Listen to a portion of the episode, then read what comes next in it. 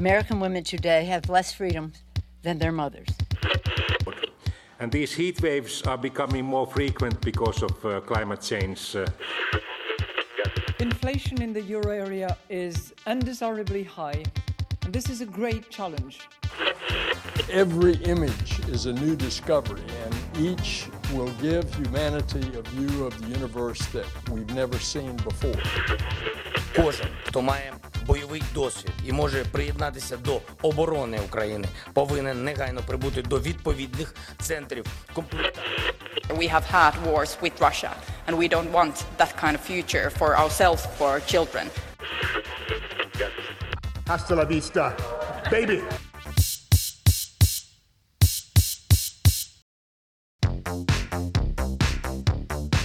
Þú ert að hlusta á heimskviður. Þáttunum það sem gerist ekki á Íslandi. Ég heiti Birta Björstóttir. Og ég heiti Sunna Valgeradóttir. Við ætlum að koma víða við í þættinum í dag og umfyllunar efnin 2 eru afar ólík. Já, heldur betur. Í síðan hluta þáttarins fáum við að heyra af hálsmenni úr skýra gulli sem fannst í jörði í Varvíkur skýri í Breitlandi fyrir rúmum þreymur árum. Gullmennið er mert Hinriki VIII englandskonungi og fyrstu eiginkonu hans henni spænsk ættuðu Katrinu af Aragorn. Þau voru gifti yfir 20 ár og skilnaði þeirra var afdreifaríkur fyrir breska menningarsjóðu. Sérfræðingur hjá þjóðminnarsafni Breitlands, British Museum, hefur leigið yfir þessum dýrgrip síðan hann fannst og hafa nú rakið uppruna hans til hátíðahalda sem Hinrik VIII held í februar, annarkvort árið 1520 eða 1521. Það ríkti svo mikil leindi við rannsókninni að Rachel King, sérfræðingurinn sem stjórnaði henni, mátti ekki einu svona segja eiginmanni sínu af þessu. Við heyrum í Rachel og eftir og líka önnu Agnarsdóttir, professor í sagfræði um æfi og ástir og eiginkonur Hinriks áttunda. En við hefjum leika á allt, allt öðru. Hvernig má það vera að samtök sem eru einna helst þekkt fyrir hróttalegt ofbeldi, hriðjuverk og ítla meðferð á konum heitli samt konur sem búa á Vesturlöndum? Hriðjuverkarsamtökin sem kenna sig við Íslamst ríki, heið allræmda ISIS, Þau lokkuðu til sín ótrúlegan fjölda kvenna frá vestrænum ríkjum. En hvernig konur voru þetta, þessar konur sem að fóru til Ísis? Voru þetta upp til hópa áhrifagjarnar ungar konur sem letu glepjast af áráðursmaskinu samtakana? Eða voru þetta kannski bara hardsýræðir hriðiverkamenn? Óluf Ragnarstóttir, hún ætlar að reyna að svara þessum spurningum og tekur nú við. Mósul í Írak, 29. júni 2014.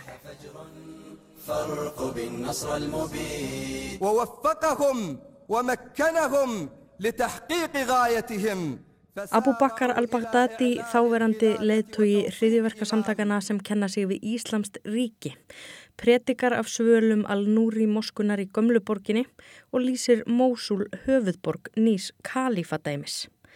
Þarna voru samtökin upp á sitt besta, ef svo má segja.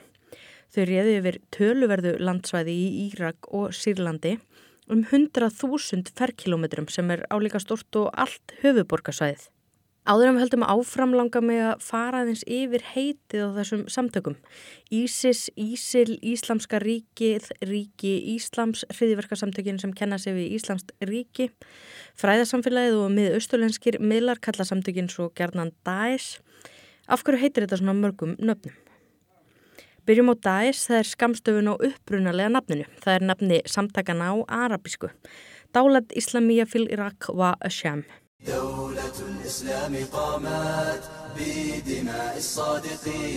Bein þýðing á þessu er Íslamska ríkið í Írak og Asham. Asham er stytting á Bilad Asham sem er landsvæði sem við þekkjum í dag sem Jórdaníu, Sýrland, Líbanon, Ísrael og Palestínu. Það tegir sig einnig aðeins inn á Sínæskagan í Egiptalandi og söðurluta Tyrklands. Daesh þýðir ekki neitt á arabísku en liðsmenn samtakana vildu ekki láta kalla sér Daesh og þess vegna var það vinnselt í miðausturlöndum til þess að augraði. Ísis og Ísil eru svo skamstafanir á ennsku þýðingunni en samtökin breyttu síðar nafninu stittuða í Dálat Islamíja eða Íslamska ríkið til þess að leggja áherslu og útþenslu stefnu sína.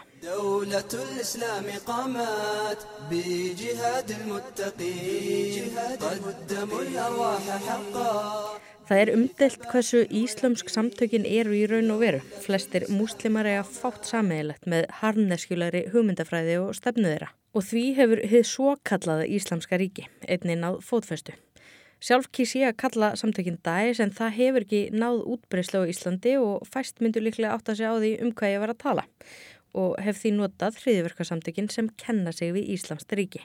وهذا واجب على المسلمين واجب قد ضيع لقرون Aftur til Mósul í lóki júni 2014. Kalifadæmið hefur verið stofnað og leiðtögi samtakana skorar á alla muslima að leggja samtökunum lið. Og því kalli svöruðu mörg.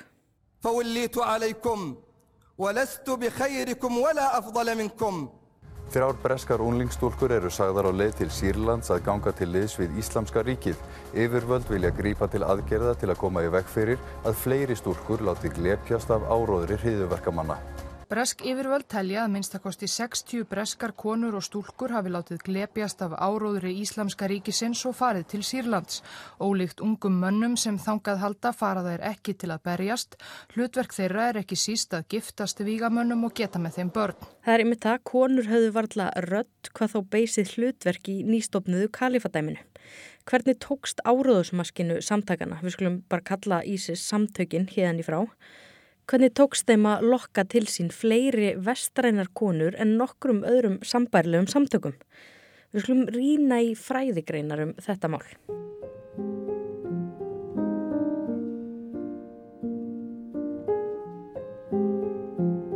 Það má segja að djihadismi sé frekar karlægur geiri.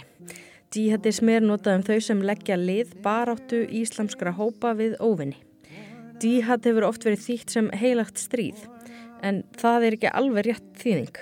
Upprunalega þýðingin á jihad er barátta eða átök við syndir og getur átt við um innri baráttu einstaklinga við það að vera góður muslimi.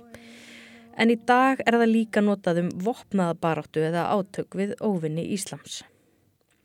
En sem sagt karlar eru almennt í miklu meiri hluta þeirra sem leggja í jihadisma sem er kannski ekki skrítið sé litið til þess að undir okkur hvenna er normið þjá flestu bókstafstrúar fólki Hvað var það þá við samtök þekkt fyrir aftökur, hriðjuverk, pyntingar og að neppa konur í ánuð sem fekk metfjölda kvenna frá Vesturlöndum til að ferðast til Íraks og Sýrlands þess að leggja þeim lið. Oft voru þetta ungar konur jafnvel á barsaldri og orðaðan þannig að þær hefðu látið glepjast af áróðri hriðjuverkamanna. En geta konur kannski bara verið vondukallanir. Heitlaust þær af hugmyndafræði samtakana og tóku þátt í voðaverkum. Í umræðinu um hvort þessar konur megi snúa aftur til heimalanda sinna skiptir þetta máli. Ríki eins og Danmörk, Breitland og Holland þurfa að meta hvort endur koma þessa Ísis kvenna sé hættuleg samfélaginu.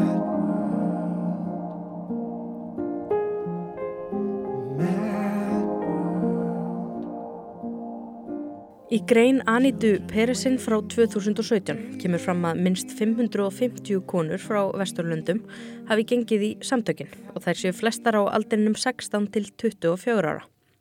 Flestar eru múslimar og dætur innflytjanda. Samkvæmt Peresinn er hægt að skipta ástæðum kvennana í þrjá hópa, pólitík, hugmyndafræði og persónulegar kvatir. Okay, so take me through the day you leave. I woke up early in the morning. Really early, like maybe 5, 6 o'clock because our flight left at like 12 o'clock. We just wanted to be there early. Þetta er Shamima Begum, eitt þekktasta nafn þessara vestrænu kvenna sem gengur til liðsvið samtökin. Hún var aðeins 15 ára þegar hún fór til Sýrlands frá Breitlandi á samt tveimur bekkjarsistrum og vinkunum. Mál hennar hefur vakið heims aðtegli. Hún fór til Sýrlands 2015 og dúkaði svo upp fjórum árum síðar í flótamannabúðum, Kars Ólett. Stuttu síðar fer hún í afdrifaríkt viðtal, þá 19 ára nýbökuð móðir. I don't regret it because it's changed me as a person. It's made me stronger, tougher. You know, I married my husband. I wouldn't have found someone like him back in the UK. Her comments enrage the public and the British government takes away her citizenship. Begum segist ekki sjá eftir því að hafa gengið til liðs við samtökinn. Það hafi gert hana að sterkari personu og þar hafi hún kynst eiginmanni sínum, manni sem hún hefði ekki geta kynst í Breitlandi. Hér er rétt að nefna að viðtalsbútar við Beikum er úr hlaðvarsþáttum BBC sem heita I'm not a monster eða ég er ekki skrimsli.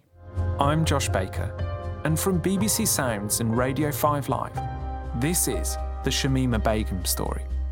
Series 2 Það er óhætt að mæla með þessum þáttum fyrir þau sem skilja ennsku. Josh Baker hefur unnið að þeim allt frá því að Bacon kvarf árið 2015. Hann var í samskiptum við hana í heilt ár áður en hann fekk við hana langt viðtal þar sem hún segir sína sögu. Baker fer svo í hannar fótspor bókstaflega. Hann fer sömu leið og hún fór til Sýrlands á sömu staði og hún fór, talar við fólk og freistar þess að kanna sannleikskildi frásagnar Bacon. Aftur að viðtalinu afdreifaríka þegar 19 ára Bacon er komin út eftir fjögur ári í samtökunum. Hún egnaðist tvö börn á þeim tíma sem létust bæði og er nú nýbúin að fæða dreng. Frettamæðurinn spyr um hriðjöverka árásir samtakana sem hún gekk til liðsvið. Í Manchester 2017 eftir tónleika Arianu Grandi. 22 létust, yngsta fórnarlampið var 8 ára. So here's your opportunity then to apologise to some of the people who were murdered by the group that you joined. Some of the British men, some of the women, some of the kids from Manchester who were killed in the Manchester arena. You must have heard about that attack. What did you think about that? I was shocked, but. What? but I just couldn't. I didn't know about the kids actually, but. Yeah. Begum segir að sér hafi verið brugðið og henni þykki rámt að saklust fólk hafi verið drefið. I do feel that it's wrong that people, like innocent people did get killed. It's, it's a two-way thing, really. Because women and children are being killed back in the Islamic State right now. And it's kind of retaliation. Like, the, their justification was that it was retaliation, so I thought, okay, that is a, fair justification. Hriðiverkin hafi verið réttlætt þannig fyrir henni að þetta væru hemdarárásir fyrir stanslust drápa á saklausum múslimum og henni hafi þótt að trúverðu skýring. Littli drengurinn sem þarna var nýfættur lest úr veikindum skömmu síðar. Beikum hefur síðan sagt að þegar þetta viðtal var tekið þá hún verið þreytt og örfingluð og ekki enn þórað að tala gegn samtökunum. Í búðunum sem hún dvaldi í og dvelur í hafi verið fólk sem enn barðist fyrir hugmyndafræði samtakana og því beinlýnis hættulegt að setja út á því óbemberla.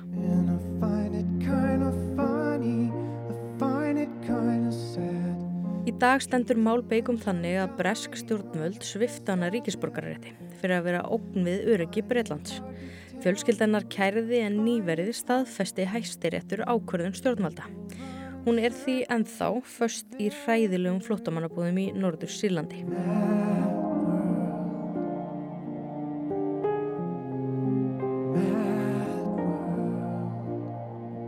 Ans Beckard og Molly D. Ellenberg tóku ítarleg viðtöl við 220 manns sem gengu til liðs við samtökinn.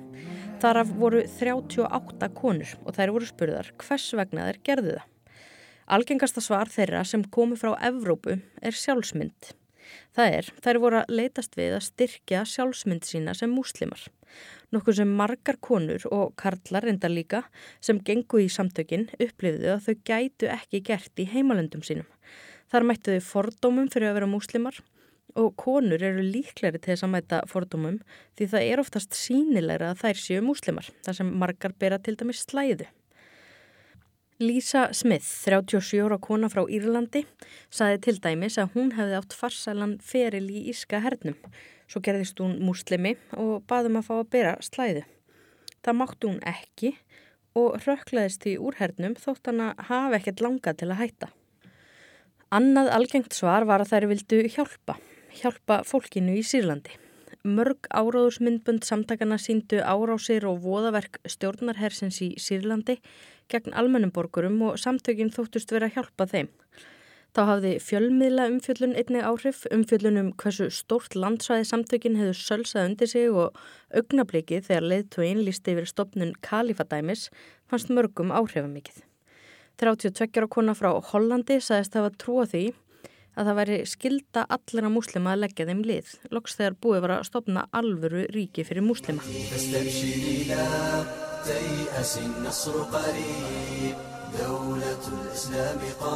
Þá eru persónuleg tengsl við fólk innan samtakana áhrifamikill þáttur.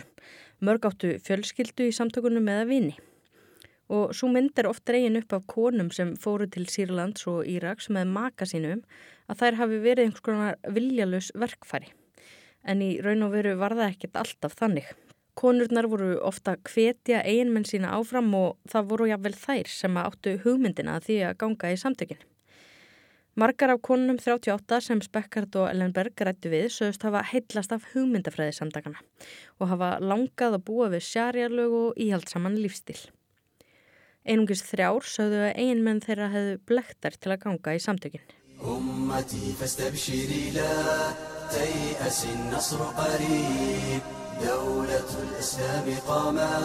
Fymtanóra Sjámíma Begum passar í nokkra af þessum flokkum. Hún átti breska vinkonu sem varði mjög trúið eftir að hafa mist móður sína. Og það var þessi vinkona sem kynnti Begum fyrir samtökunum. I consider her my sister. Like that will never go away. She understood me more, you know, and accepted me more for who I was. Þessi vinkona hétt Shamina. Begum leita á hana sem systur og saði enga hafa skilið sér betur. Shamina virðist hafa stjórnasóldi með vinkonu sínar og fekk þær til að halla sér líka að Íslam. I mean, the way she was talking about it, it was very persuasive, but I just wanted to go along with what my friend wanted, you know, so I could be accepted. I didn't want to give them a reason to like exclude me from the group. Begum vildi viðurkenningu, vera hluti af heild. Hún vildi ekki gefa vinkonum sínum ástæðu til að útiloka sig og fyldi strömmnum. Og henni fannst líka spennandi að eiga annað líf fyrir utan heimili sitt. I wanted to like stay out later with my friends and do stuff without having to get my mom's permission and like answer a million questions before I do it, you know. Like I felt oppressed, but you know, that's an exaggeration. Þetta hljóma nú kannski eins og hver annar úlingur. Hanna langaði bara að fá að vera lengur úti eða meiri tíma með vinkonum sínum að hans að þurfa að svara miljón spurningum fóreldra sinna. Okkur hefur nú kannski flestum liðið þannig á einhverjum tímapunkti en ekki gungu við öll til liðs við hriðverkasamtök. Begum var líka að ströggla við sjálfsmyndina. Hanna langaði að passa inn í Breitlandi en fannst eins og fjölskyldan heldi aftur að sér. Fjölskyldan er frá Bangladesh og vildi að einhverju leiti halda í sínar vennjur og hefðir. I didn't feel British or Bengali. I didn't feel Bengali because I didn't want to be Bengali. And I didn't feel British because I feel like I wasn't able to be British even though I wanted to be, if that makes sense.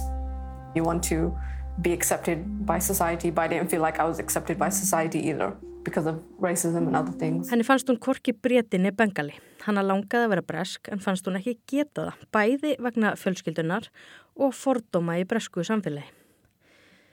Það er frekar kaltænislegt að Beikum hafi svo fundið sig í Íslam en ekki leift fjölskyldunni að taka þáttið í.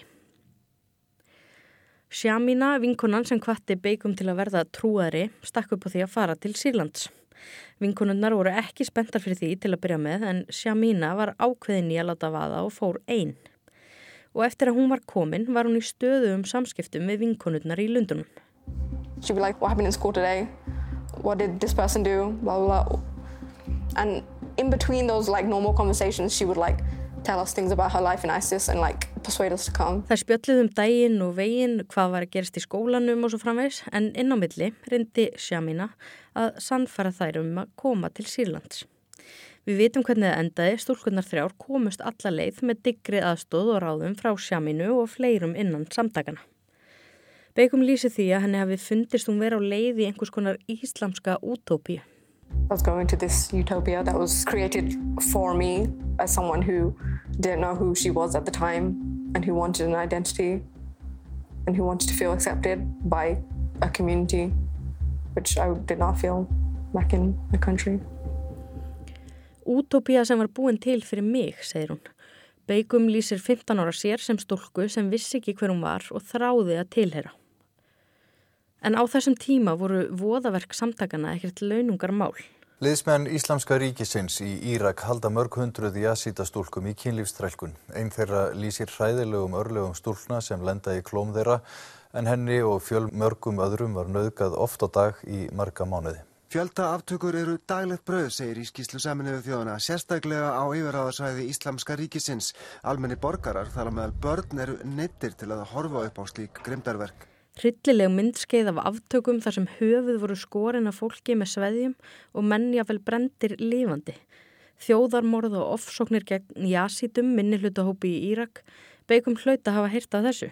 To be honest, I did not know about these atrocities because as a 15-year-old, I did not watch the news. I got my news on social media. Like the people who I spoke to on social media were saying, no, it's not true, it's an exaggeration.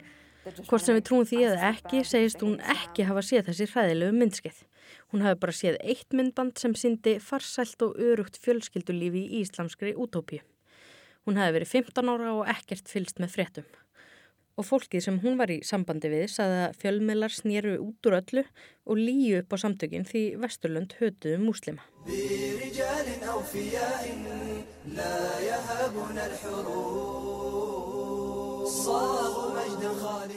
Vel skipulöð stafræn áróðusherfer samtakana sem var markvist beint að konum á líka sinn þátt í að þau náðu betur til hvenna en önnur slík samtök.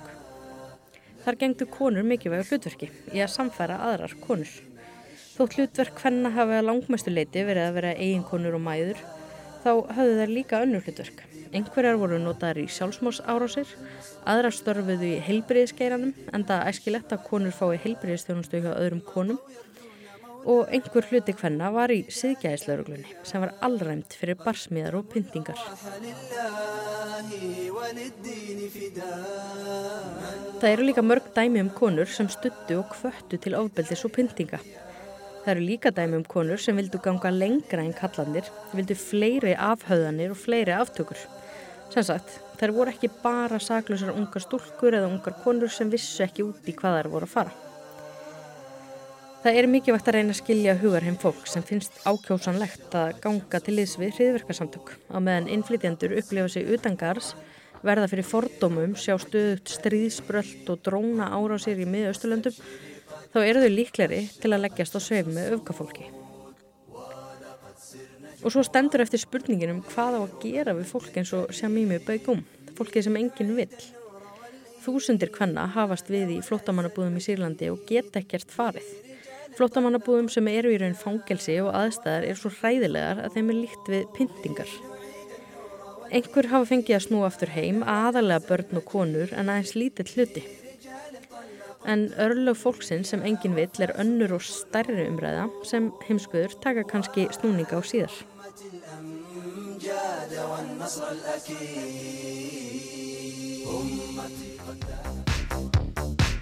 Og þá að gullmeninu sem sérfræðingar hjá British Museum kynntu nýlega til menningarsögunar. Það fannst í varjöku skýri nálat Birmingham í desember árið 2019 þegar maðurinn nafnið Charlie Clark var út að lappa með málumleitatæki sem hann hefði nýlega keft sér. Það byrjaði ískra í tækinu og eftir smá gröft kom Charlie niður þetta men sem nokkrum vikum síðar var á leiðinni til British Museum. Þjóðminnasaps þeirra breyta. Rannsókn á uppbruna á aldri þessa dýrgrips hefur tekið næstum þrjú ár og fór fram með ótrúleiri leint. Menið þykir afar merkilegt og sérfræðingasapsins vildi vera alveg vissir um að það væri ekta. Björn Málkvist kynnti sér þetta áhugaverða mál. So my name is Rachel King. I'm the curator for Renaissance Europe and the Waddesdon Bequest at the British Museum in London. Rachel er samsagt yfir þeirri deilt sapsins sem sér um hluti frá endurreysnartímabilinu og sapni hluta sem kendir eru við Waddesdon-gjöfina. Það eru ímsir greipir frá endurreysnartímabilinu sem barónin Ferdinand Rothschild gaf sapninu. Samtals eru þetta meirinn 40.000 hlutir og eins og gefur að skilja þá þarf eitthvað merkilegt að finnast til að Rachel verði uppnuminn sem hún varð þegar hún frétti af gullminninu. So the object was found in December and by February it had come to the British Museum. But I didn't get the opportunity to see it immediately. I was told about it by telephone. And when the person described it to me on the telephone, it was beyond my dreams. I, I couldn't imagine what they were describing. And Mér var sagt frá þessu og ég spurði aftur og aftur hvort þetta væri raunverulegt. Svo kom greipurinn til okkar og við vorum frá okkur numin í byrjun en svo líka efinn um að þetta væri ekta. Þannig við ákveðum að taka okkur tíma í að komast að sannleikanum og þess vegna hefur þetta tekið næstum þrjú ár. And it was a real afternoon of, of happiness and joy for all of us to have the opportunity to see something so wonderful. But almost immediately that scholarly doubt set in. Is this perhaps too good to be true? Let's not get too excited here. Let's step back a second and really, really, really take our time to get this right. And that's why there's been such a gap between it being declared and being announced to the public. Nearly three years, in fact. Tímið sem Rachel og hennar samstagsfólk hefur varið í að rannsaka, ekki aðeins gripin sjálfan, efnaðsamsetningu hans og annað, heldur líka að leita upp í sögulegar vísbendingar til að varpa ljósi á nákvæmari tímasetningu og kringumstæðunar þegar menið var búið til og hvers vegna það var búið til. Meira um það hérna eftir. Byrjum á því að fá lýsingu á þessum grip. It's about 5 centimeters tall by about 5 centimeters wide.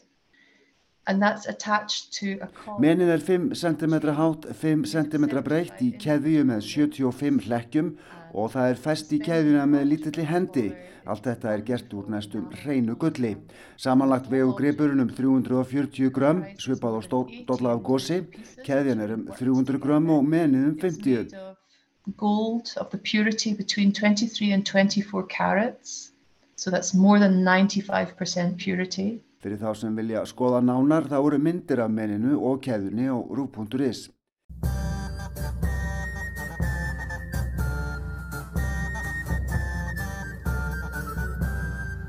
En aftur að rannsókninni, fyrsta verk Rachels var reyndar ekki að komast að því nákvæmlega hversu gamal þessi gripur væri, heldur að hann væri sannlega eldri en 300 ára.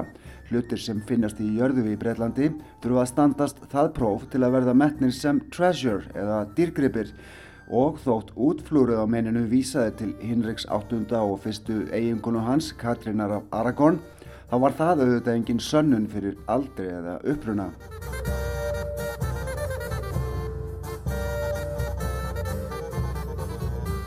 The motifs on the object relate the object to Henry VIII and his first wife, Catherine of Aragon. He married her in 1509 and their marriage was annulled in 1533. But anybody at any point in history could make an object with those motifs on it, so that certainly doesn't mean that the object is old. Þannig að Rachel og hennar fólk fengu raunvísindin í lið með sér. Gullið í gripnum var rannsakað sem á efnin sem voru nótuð til að skreita menið og þá kom í ljós að efnaðsamsetningin í svartalitnum sem er á meininu var samkvæmt uppskrift sem var ekki notuð eftir 1530. And we were able to ascertain that the mixtures used for the enamels would be correct when compared with other objects from the late medieval period. And even more helpfully, we were able to ascertain that one of the enamels in particular, the black enamel, uses a recipe type which changes after 1530 So we knew that we were looking for something, or we knew we were looking at something which was probably made before 1530. And so I could go on at length about this, but essentially the phrase is narrowing down.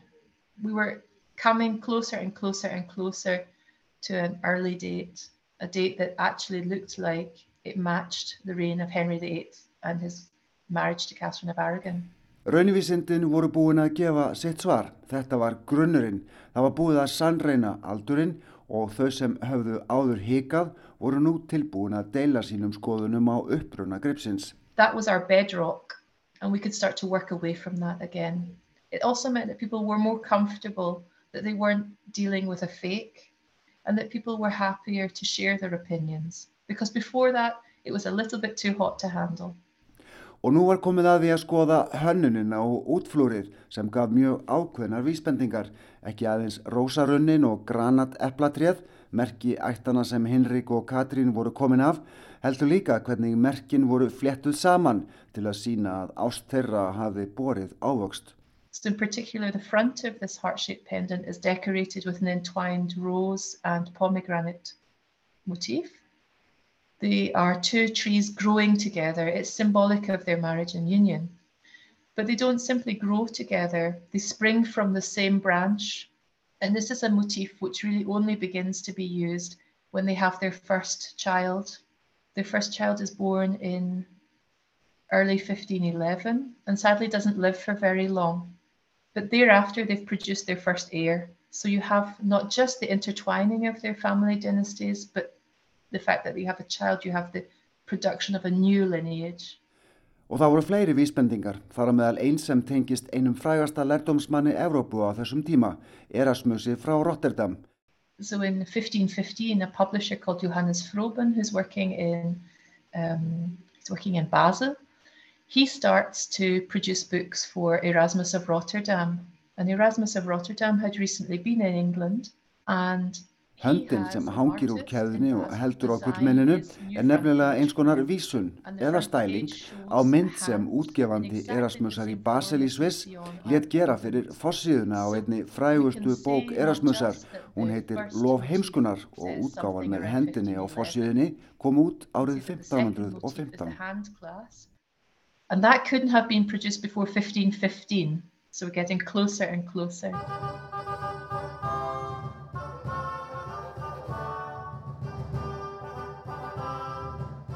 Og síðan er það áletrunin á menninu, toujours, að eilifu á fransku, sem á sennilega að vísa til eilifrar ástarhjónana Hinriks og Katrínar, en er mögulega líka leikur að tveimur orðum á ensku og fransku.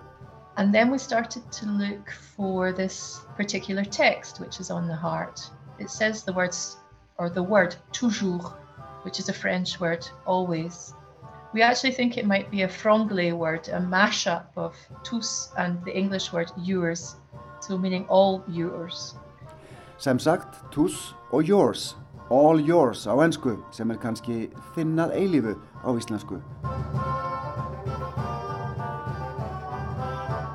Það var í tísku á þessum tíma við ennsku hyrðina, segir Rachel, að búa til orðaleiki og motto í þessum stíl. Ekki síst þegar alls konar veistlur og viðburður voru skipulæðir. Þannig að Rachel og hennar fólk fór að leita heimilda um slíka viðburði á þessum tíma og það var reyndar úr nægu að velja.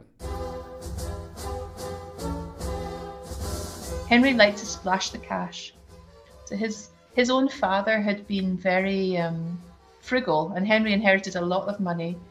Henrik hafði gaman að því að slá um sig. Fæður hans var frekar nýskur þannig að Henrik erði mikið fjö og þegar maður er átján ára þá vil maður djama.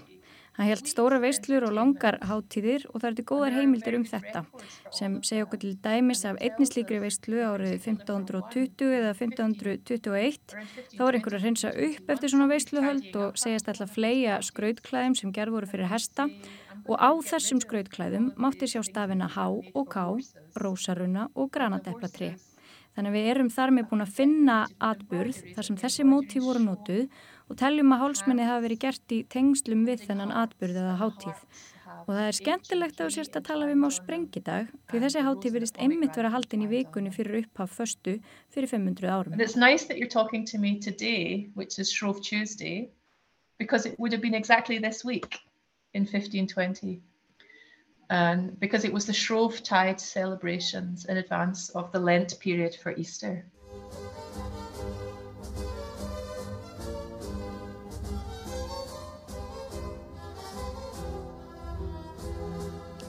Sem sagt það voru veistuhöld hjá ennsku hörðinni í februar 1520, kannski 1521 og það var nógum að vera og nóg að býta og brenna. En Hvernig var ennst samfélag á þessum tíma? Sko það var ekki sérstaklega gott. Það er að segja að efnahagslega þá var alveg grí, gríðaleg verðbólka á 16. öld. Þetta er Anna Agnarsdóttir, professor emeritus í Sakfræði við Háskóla Íslands. Hún er sérfræðingur í evróskri miðaldasögu. Mér minnir að verðbólgan frá 1500 til 1600 hafi verið 488% og atvinnuleysi var mikið og vegna þessari gríðalegu fólksfjölkunar. Þannig að það voru kannski 2 miljónir sem byggu í, í þarna Englandi um 1500 sem voru þarna 4 miljónir um 1600. Hins vegar er náttúrulega England mikið landbúnaðaland mm. og þeir stunduðu bæði mikla agurirkju og þarna söðfjárækt og England hafi verið tiltala blómlegt, miklu blómlegra á miðöldum en þá komu pláurnar miklu það var rosalega fólksvækkun og síðan þarna voru þeir fyrst í hundra ára stríðinu og svo voru þeir í rósastríðinu. Það má segja að, að, sko, að svona á meðan Henrik ríkti þá stundan ekkit svo mikið að stríðum, aðeins við skota og frakka mm -hmm. en, en ekkit svo mikið og það var bara frekar, sko, það var mjög erfið lífskjör í Englandi á 16. og náttúrulega mjög skýr, uh, skýr stjættaskipting. Þannig að, en sko hungur, það, það, sko þú náttúrulega fjölgar ekki mannkjörnum að færa að borða. Þannig að það var, sem sagt, allir fengu nóg að borða en þetta talið hafa verið mjög erfitt efnahás ástand. Hins vegar er þessi fólksfjölgun, það sem sagfræðinga kalla sko recovery. Það er að segja þeir eru bara að ná upp fyrir fólksfjölda eins og hann var þarna áður fyrr. Þarna áður um pláðuna komu. En, en, en hyrðin hafði það gott? Hyrðin hafði það rosalega gott og sko náttúrulega uh, konungstæmi var orðið bísna gamalt í, í, uh, í Englandi á þessum tíma og þeir áttu hallir og þeir áttu kastala og það var venjan að hyrðin ferðast á milli vegna þess að það var svo dýrt að reyka hyrðina að þeir fóru frá einum stað til annars, lögðust þar upp á aðalinn í viðkomandi sveit og uh, byggu þá í þessari höll í einn eða tvo mánuði. Svo þegar búið var að rústa öllu þar, þá fluttið svo á næsta og þá beði næsta aðalsmaðurinn eftir að fá þau og þannig var þetta bara í Evrópu þessum tíma. Þeir, kongurinn hafði, það var ekkert Buckingham Palace á þessum tíma sko. Og England var ekki orðið það stórveldi sem það átti síðar eftir að verða. Það var spátsimir um drottnaði yfir Evrópu og reyndar nýja heiminum líka Ameríku. Þangar sem spænsku konungsjónin Ferdinand og Isabella voru tiltölulega nýbúin að senda Kristófer Columbus. Svo var það Habsborgaraveldið, íð heilaga rómenska keisaradæmi og Frakland. England er að reyna skrýða inn í þennan hóp og á 15. öld, eftir Rósastríðin, þá tekur Henrik VII við völdum og hann er sem sagt sko ekki alveg viðurkendur, hann þarf svona að fá viðurkenning á því að hann sé réttmætur, lögmætur konungur Englands. Og um, það vildi svo til að Ferdinand og Isabella sem eru með hinn merku katholsku konungshjón í, í, á Spáni að þau eiga bara talsvert á dætrum. Og þeir, uh, Ferdinand var sérstaklega duglega að koma dætrum sínum fyrir og gifta þær vel.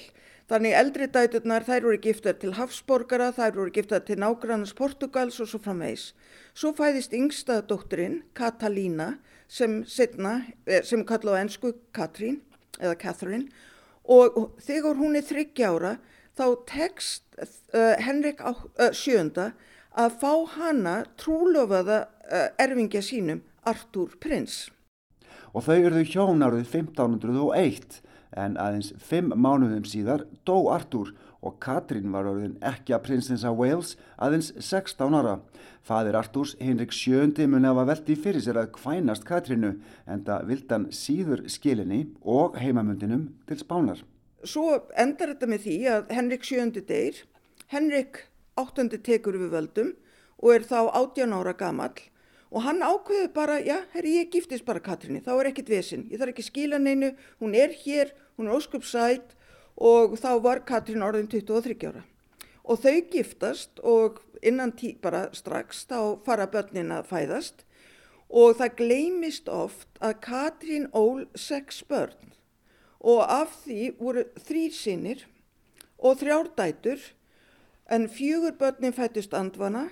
Mm. Eitt sonurinn livði í tæpa tvo mánuði og fekk nafnið Henry, Henrik Prins og svo livði einn dóttir Marja sem síðar var Marja fyrsta betur þess sem blóð Marja. Og uh, þetta, allir, uh, allar heimildir uh, segja þetta að veri mjög hamingisamt hjónaband. Það er að segja að Henrik hafi álveru elskað Katrínu, hún var ráðgæfi hans þegar hann fór að berjast við frakka eða skota, þá stjórnaði hún ríkun í hans stað og svo framvegis. Mm. Og þau eru gift mjög lengi Ég meina er, þau eru að giftast þarna tiltulega uh, þegar hann er uh, 18 ára og síðan þarna uh, giftist hann ekki anbólinn fyrir 1533. Þannig að þau eru mjög, sko þetta var bara, ef að einn af þessum sónum hefði lifað, þá væri ekkert meira um að segja um hjónabandssögu Henriks áttunda. En hins vegar náttúrulega bara gerist það að hún nálgast verdugu þá er bara vandamál, hún er einlega komast úr barneign og þrátt fyrir þetta svona til dæla gæfuríka hjónaband þá fyrir hann í kikið kringu sig og finnir þarna eina hirnmei, Anne Boleyn mm -hmm. og uh, hún fæðir ekki heldur svon svo hann heldur bara áfram og eins og fræktir þá voru urðu konuna sex.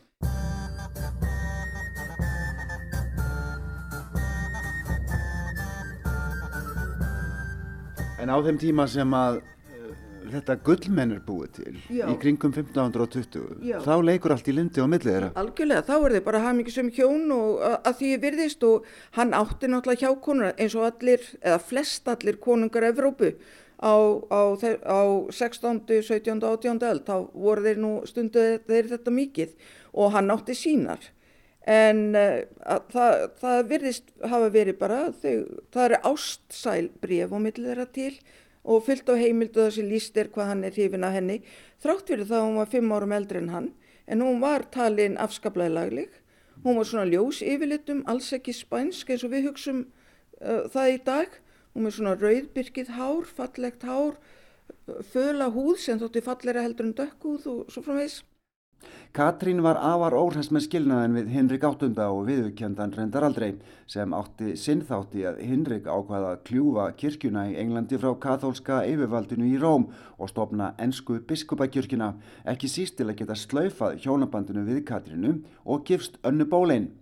Katrín dó úr krabbamenni árið 1536, nokkrum mánuðum áður en Hinrik skildi við önnu, létt takan af lífi og giftist Jane Seymour.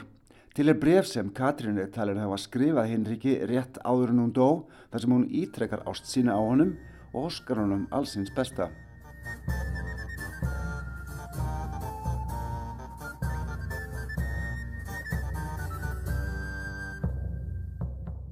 Það er enn ekki ljóst hvað verður um hálsmennið. Það áttur að meta verðmæti þess og finna því heimili á sapni sem gæti orðið breska þjóðminnesapnið eða eitthvað annað sapn. Menið þykir einhver merkilegasti hlutur sem fundist hefur í jörðu í Breitlandi í langan tíma og þá voru forréttindi og áskorun, segir Rachel King, að fá að rannsaka það. What's really important about this object is what the object tells us itself. We have many, many objects in the British Museum and the museum was founded in the 1750s. Many of those objects were collected by important people or have important stories attached to them because of the lives that they have had. This object is almost virgin. It hasn't had a life. It's been in the ground for, well, for goodness knows how long. We can't determine that. Þessi gripur er svo mikilvægur út af því sem hann segir okkur um sig sjálfan. Við erum með marga gripi sem voru í eigu merkilegra einstaklinga og hafa mikilvægar sögu sem tengjast þeim, en þessi gripur er nánast eins og nýfættur. Hann er búin að vera í jörðinni svo lengi, þannig að við erum í rauninni fyrstu manneskjuna til að sjá hann og fáum einstakt tækifæri til að rannsaka fyrst og leita svo að tengingum í menningasögunni. Það eru mikil forréttindi að fá að gera slíkt. Þannig að má segja að undan farin ár hafi ég átt í djúbu samtali. Samtali sem var eiginlega bara millir mín og þessa grips og þetta var allir í lendinni sem ríkti yfir rannsókninni. Ég gæti ekki eins og niður sagt eigimanni mínum frá þessu. It really was just between, in, between me and the object for such a long time. I couldn't even tell my husband about it. Og þetta verða loka orðin í heimskvöðum þessa vikuna. Við verðum hér aftur á sama tíma í næstu viku. Takk fyrir að hlusta.